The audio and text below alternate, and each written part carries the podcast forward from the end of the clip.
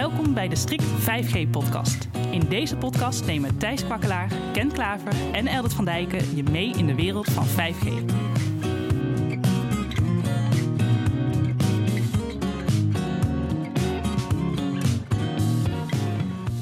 Dit is de Strict 5G-podcast. Ik ben Thijs. Ik ben Eldert. En ik ben Ken. Als het gaat om missiekritische communicatie, nou dan hebben we vandaag ook wel het onderwerp te pakken, namelijk C2000 en daarbij ook 5G. Maar allereerst, eh, Ken, kun jij wat vertellen? Wat bedoelen we dan met missiekritische communicatie? Missiekritische communicatie is nodig uh, om mensen met elkaar te laten communiceren uh, op een manier die het altijd doet. Dus een hoogbeschikbare communicatie. En vaak bedoelen we daarmee portofonie. In Nederland hebben we daarvoor het eh, C2000-netwerk voor politie, brandweer, ambulance en andere diensten. En die gebruiken portofoons om uh, in eerste instantie met de meldkamer te praten. En met elkaar in zogenaamde groepscommunicatie. Uh, en met missiekritisch bedoelen we meestal als er mensenlevens mee gemoeid zijn. Hè? Ja, want er is een belangrijk verschil tussen missiekritisch en bedrijfskritisch. Missiekritisch inderdaad als er mensenlevens mee gemoeid zijn. Betekent als die communicatie het niet doet, dan zijn mensenlevens in gevaar bijvoorbeeld omdat een hulpverlener wordt bedreigd. Dan wil hij graag de meldkamer bereiken om uh, assistentie uh, in te roepen. Als die communicatie het dan niet doet, ja, dan is er echt een gevaar voor die persoon. En uh, bedrijfskritisch, dat betekent eigenlijk dat er hoge kosten uit, voortvloeien als die communicatie niet doet. Bijvoorbeeld als communicatie op een luchthaven of in een industrieel complex het niet doet, dan vallen bedrijfsprocessen voor een deel stil. En het kan dus ja, financiële gevolgen hebben. En je noemde net al uh, C2000 uh, even kort. Wat, allereerst die naam, C2000. Ja, die is in uh, eind jaren 90 eigenlijk gekozen. Toen besloten is om van de verschillende radionetjes die de politie in de tijd had... over te gaan naar één landelijk dekkend netwerk. Er is toen gekozen voor een, uh, een toen nog Europese standaard Tetra. Inmiddels is dat een wereldwijde standaard geworden. En die uh, wordt eigenlijk gebruikt met name door, door openbare orde en veiligheidsdiensten. Maar in toenemende mate is het uh, de afgelopen jaren gebruikt door allerlei instanties die missiekritische communicatie nodig hebben. En C2000 staat voor communicatie 2000. Hè, dat was dan 2000 was eigenlijk het jaar waarin het allemaal zou moeten gaan draaien. Uiteindelijk is de eerste variant van het landelijke nieuwe Tetra-netwerk pas in 2004 operationeel geworden. En tot op de dag van vandaag, tot op de dag van vandaag is het eigenlijk in, uh, in operationeel gebruik. En qua technologie is het te vergelijken met uh, de generatiegenoten GSM. Hè. Dat is een hele andere soort technologie, maar het is ongeveer in dezelfde tijd ontwikkeld. Dus het is, C2000-netwerk kun je qua leeftijd vergelijken met 2G of GSM. En wat gaat 5G dan bieden voor C2000 hierin? Ja, daar, daar hoort wel een stukje achtergrond bij. De ambitie van de Nederlandse politiek is om als opvolger van C2000 een nieuw systeem te doen, wat ook veel meer breedband kan leveren. Dus waarbij hulpverleners bijvoorbeeld ook videobeelden live door kunnen sturen naar de meldkamer. En dat wil men in principe gaan doen op basis van een 5G-netwerk of 5G-technologie. En dat is nog wel een, een hele verandering. Want in feite ga je dan een sprong nemen van 2G-technologie, puur voor spraak, naar 5G-technologie. En daarmee sla je nogal wat generaties over. En het is nog wel een grote uitdaging om dat zomaar te realiseren. Ja, want 5G biedt in principe vanaf de latere releases uh, functies waarmee je een heleboel dingen die nu in C2000 zitten kunt doen. Ik denk zelf dat, dat je voor 95% de functionaliteiten kunt afdekken. Hè? Dus groepscommunicatie en één op één communicatie, private call geheten. En een heleboel andere zaken die ja, gewoon persoonlijk verkeer in, in groepsgesprekken en met de meldkamers mogelijk zou kunnen maken. Die zitten denk ik wel in de nieuwe 5G-standaarden. Maar een aantal andere zaken zijn nog niet geregeld. Er zijn best wel specials, speciale functies die nu in Tetra zijn ontwikkeld voor, speciale, voor hulpverleners. Eh, die niet op de 3GPP-roadmap staan. 3GPP is de organisatie, samenwerkende organisaties die al die standaarden definiëren. Die zitten niet op die roadmap, dus die komen wellicht ook niet. Dus die zullen door een leverancier wellicht moeten worden bijgebouwd. En daarnaast is het natuurlijk zo dat als de overheid zou besluiten om een 5G-netwerk of 5G-netwerken te gaan gebruiken als vervanger voor C2000, dat je ook moet denken aan zaken als beschikbaarheid van zo'n netwerk. En hoe ga je om met onvoorziene uitval? Kun je daar afspraken over maken en hoe ga je dat precies inregelen? Dat zijn natuurlijk dingen die niet in zo'n standaard zijn geregeld, maar die je wel met de dienstverlener moet gaan regelen. Want daarmee bedoel je eigenlijk dat het C2000-netwerk op het netwerk van de mobiele providers zou kunnen komen? Nou, dat is een van de gedachten. Er is een, uh, een onderzoek uh, geweest een aantal jaren geleden, of een jaar geleden, ja, 2020. 2020. Daar heeft uh, strikt samen met ander adviesbureau VKA uh, rapportage opgeleverd voor het ministerie van Justitie en Veiligheid. die opdrachtgever was voor het onderzoek en nu ook eigenaar is van het C2000-systeem. En in het onderzoek is gevraagd om uh, de haalbaarheid te onderzoeken van een opvolger voor C2000.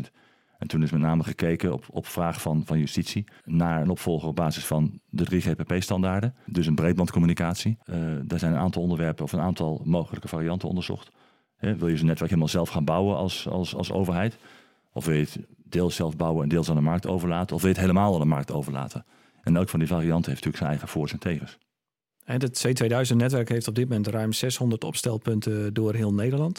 En uh, dat zijn behoorlijk hoge zendmasten die op een lage frequentie een groot bereik kunnen realiseren. Dus het is een frequentie uh, onder de 400 megahertz.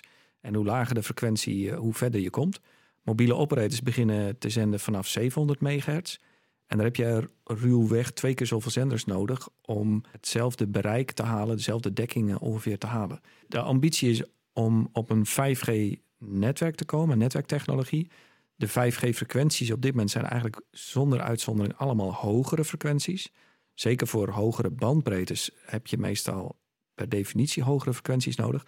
En dat zou dus ook zeggen dat, willen zeggen dat je behoorlijk veel meer zendmasten nodig bent om een landelijk dekkend netwerk te krijgen, zo goed als C2000 nu is. En dat is wel een behoorlijke uitdaging. En daarvan is eigenlijk in dat rapport geconcludeerd, zoals te lezen is, dat het economisch niet echt haalbaar is voor de overheid om een volledige opvolger voor C2000-netwerk met eigen zendmasten door heel Nederland te plaatsen. Technisch is dat natuurlijk mogelijk, maar financieel is dat niet de meest aantrekkelijke optie. En de ambitie is eigenlijk om voor de overheid een eigen kern van het netwerk te zetten. Dus het core-netwerk, waar alle SIM-kaarten bijvoorbeeld in worden opgeslagen, alle rechten en de security wordt geregeld. Maar vervolgens eh, gebruik te maken van de radionetwerken van de huidige mobiele operators. Die dan een stukje capaciteit zouden reserveren voor de overheidsdiensten en de prioriteitsdiensten van eh, de OOV-sector. En dat is wel een, een hele interessante uitdaging waar nu over na wordt gedacht. En naast dat het dan technisch uh, wellicht wel mogelijk is, uh, wat is jullie verwachting dat de, de operators hiervan gaan vinden? Want die moeten dan wel een bepaalde soort samenwerking aangaan, kan ik me voorstellen. Wil jij 100% beschikbaarheid hebben voor deze mise-kritische dienst? Dat is in Engeland wel gebeurd. Hè? In Engeland is het een competitie geweest tussen operators. En één operator heeft het contract gekregen voor de, zeg maar, de C2000-opvolger in Engeland. En dat is nog niet zo makkelijk gebleken, Ken. Nee, nee, dat is het Emergency Services Netwerk, zoals het daar is gaan heten. Dat draait op het netwerk van EE, dat is een van de mobiele operators in, uh, in Engeland. En ik denk dat het project inmiddels een jaar of uh, nou, vijf zeker al onderweg is om te, te worden gerealiseerd. Maar nog is het nog niet nou, een bepaald succes. Het, het is sowieso al duurder dan men had begroot. De reden om hier naar over te gaan was niet alleen de behoefte aan breedband hè, door, de, door de Engelse politie, maar ook om enorme kosten te besparen. Want daarvoor hadden ze ook een Tetra-netwerk. Net als in Nederland C2000 hadden ze in Engeland hadden ze Airwave. En Airwave eh, was voor de overheid echt een gigantisch duur contract. En toen hebben ze gezegd, nou, we, dat moet veel goedkoper kunnen als we die dienst beleggen bij een mobiele operator. Nou, zo is gebeurd. Aanbesteding gestart. Nou, wat, wat Elder net vertelde, uiteindelijk is daar dus II uitgekomen met, uh, met ISN-netwerk. En dat is in eerste instantie gewoon op basis van 4G Van 4G, precies, precies. Maar ze, ze lopen tegen allerlei tegenslagen aan. Dat varieert van, van uh, draagvlak tot uh, uh, moeilijkheden met het verwerven van sites voor extra dekking op gebieden waar die nu niet goed is. Want ze moeten natuurlijk niet alleen in gebieden waar II al wel goed dekt, maar ook in, in, in onherbergzame gebieden boven in Schotland moeten ze ook dekking bieden. Dus er moeten allemaal glasvezels heen, er moeten allemaal masten worden opgezet. En dat kost natuurlijk ook vreselijk veel geld. Dus er zitten heel wat uitdagingen in. En daarnaast is ook de, de gebruikersadoptie hè, uh, is toch ook wel een aspect waar rekening mee moet worden gehouden. Want nu hebben ze een portofoon. Dat kent iedereen. Gewoon een, een, een handzaam apparaatje met wat knopjes en een display. En straks krijgen ze een smartphone. En dat is voor veel gebruikers toch even schakelen. Het is echt een ander device. Uh, functionaliteit zal voor een groot deel overeenkomen, maar het is toch een ander ding aan je, aan je koppel. En er zijn allerlei workshops gehouden en allerlei rondes door het veld. Dus uh, nou, op zich staan de neuzen redelijk dezelfde kant op. Maar we zijn er nog niet.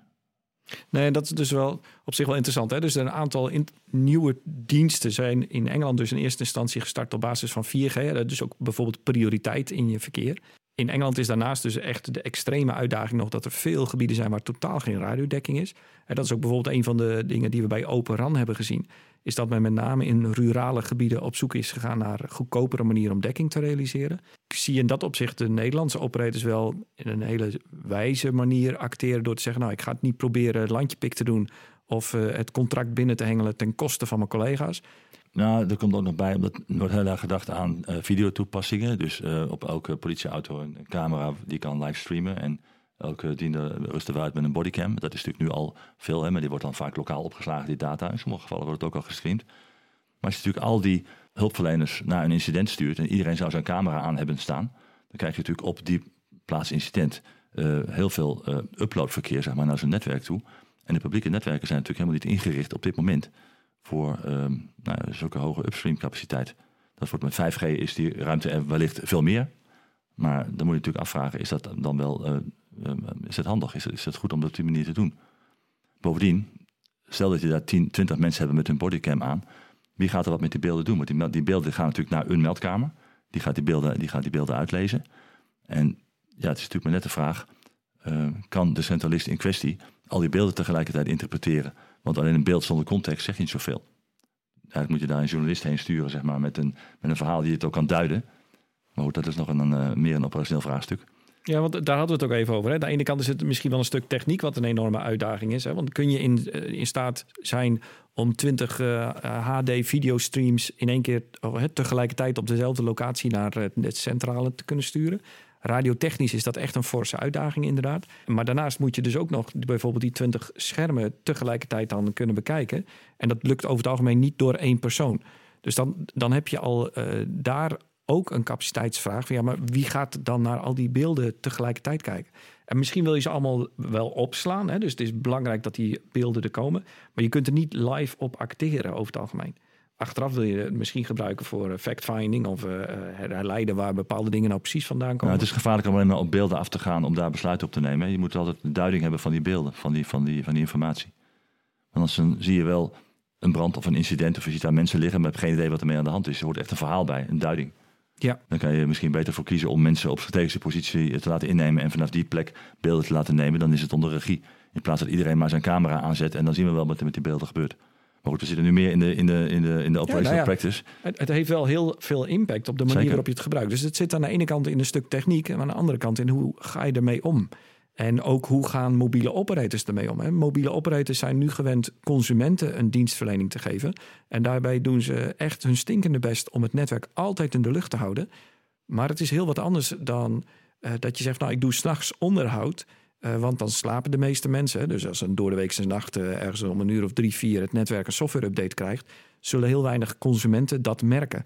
Maar dat zijn typisch de momenten waarop hulpverleners actief zijn en juist ook op hun communicatiesysteem moeten vertrouwen.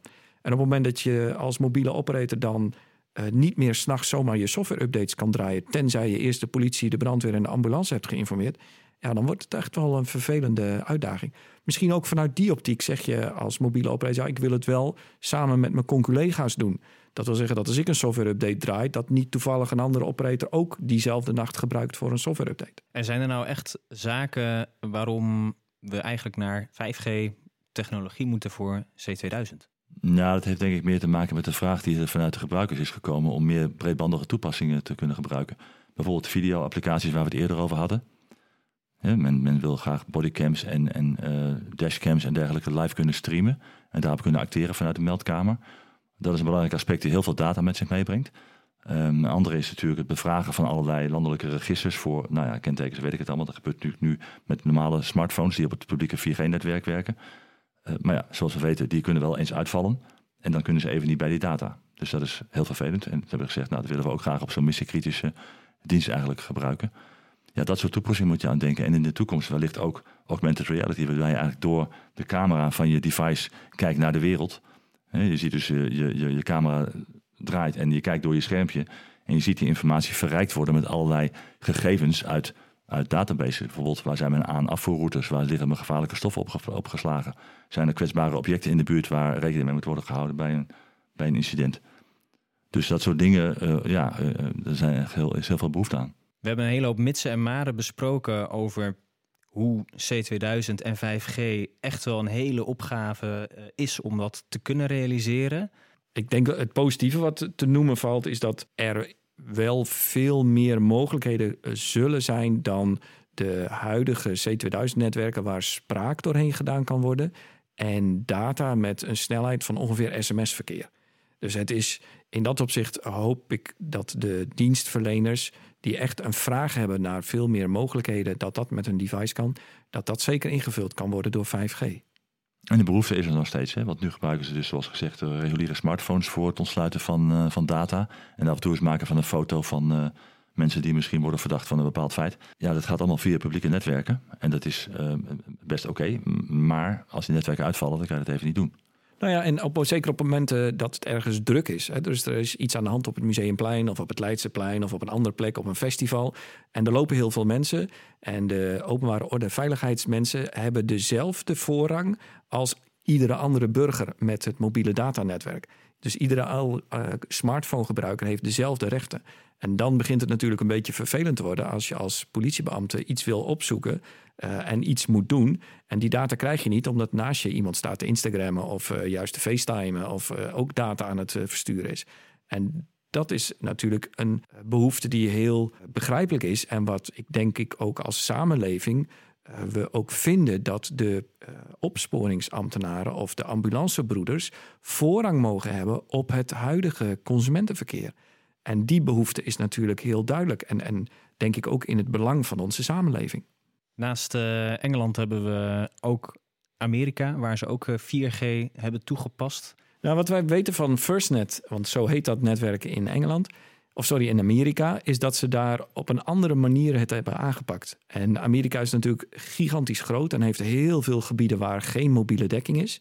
En er zijn ook heel veel verschillende sheriff's departments die allemaal hun eigen radiotechnologie en netwerk hebben. Waarbij een groot gebied door een uh, bepaald sheriff's department wordt gerund. Ze één of twee centrale zenders hebben en alle uh, politiebeambten gebruik maken van dat radionetwerk. En dat was zeg ouderwetse uh, technologie over het algemeen.